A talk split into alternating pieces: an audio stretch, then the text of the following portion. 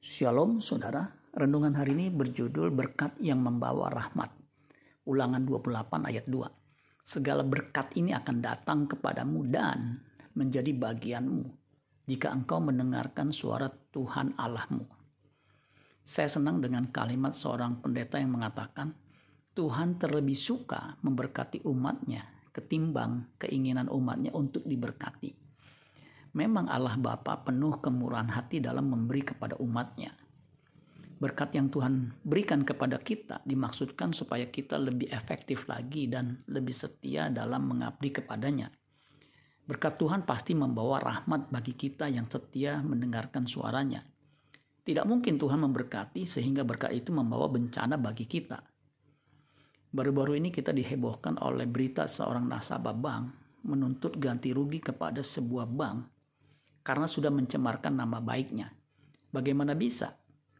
Peristiwanya dimulai dari transfer uang dari luar negeri masuk ke rekening nasabah tersebut beberapa kali sehingga jumlahnya sehingga jumlah yang cukup besar kira-kira 30 miliar rupiah dan tidak diketahui siapa yang mengirimkannya.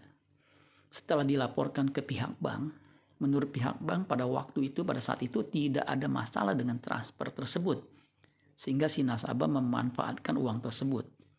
Tetapi setelah hampir satu tahun berikutnya, bank menuduh si nasabah menggunakan uang yang bukan haknya. Itulah sebabnya si nasabah menuntut balik. Bagaimana kasus ini selanjutnya? Kita belum tahu karena masih proses hukum.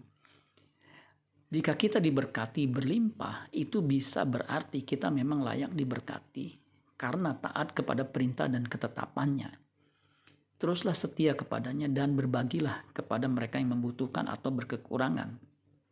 Jika kita belum diberkati dengan melimpah, tetaplah setia dan teruslah mengasihi dia. Karena Tuhan sedang mempersiapkan yang jauh lebih baik. Tidak ada alasan bagi kita untuk tidak selalu bersyukur kepadanya. 1 Korintus 2 ayat 9 Tetapi seperti ada tertulis apa yang tidak pernah dilihat oleh mata dan tidak pernah didengar oleh telinga dan yang tidak pernah timbul di dalam hati manusia. Semua yang disediakan Allah untuk mereka yang mengasihi dia. Berkat abadi kita adalah kehidupan kekal bersama dengan dia selama-lamanya. Amin buat firman Tuhan. Tuhan Yesus memberkati.